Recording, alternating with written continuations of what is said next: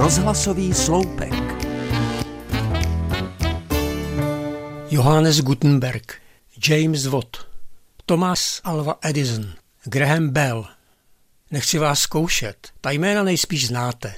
Je to zvláštní, protože dnes už vlastně ani jeden z jejich slavných vynálezů nepoužíváme. Gutenbergova olověná písmenka nahradila fotosazba, žárovku se žhavým vláknem už skoro nekoupíte a parní stroj uvidíte leda tak při jízdě historického vlaku. Jména jejich vynálezců ale zůstávají živá, což si nejlíp pojistili Watt a Bell, kteří po sobě nechali pojmenovat fyzikální jednotky. Jak pokrok pádí, používáme stále nové věci, které toho zvládnou čím dál víc a občas připomínají zázrak.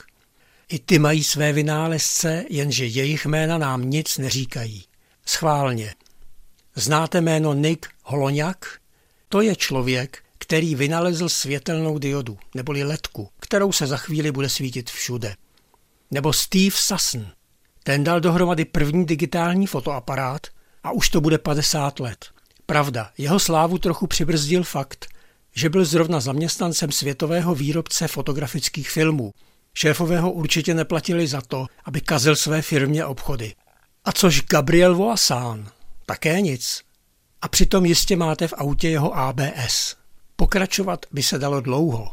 První laserovou tiskárnu dal dohromady jakýsi Gary Starkweather, kávovar na Expressu se strojil Ital Luigi Becera a sucháče na vašem oblečení vděčí za existenci Švýcarovi jménem Georges de Mestral.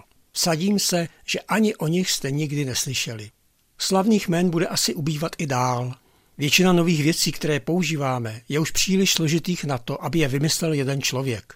Třeba na vynálezu plochého displeje LCD, kterých máte doma určitě deset, pracovalo tolik lidí, že by se vám domů ani nevešli. Podobně je to s wi a mnoha dalšími vynálezy naší doby.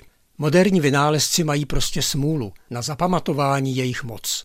Snad s výjimkou mobilního telefonu, který, jak si možná vzpomenete, jako první zprovoznili Mach a Šebestová pod krycím názvem Utržené sluchátko. Přeji vám hezký den.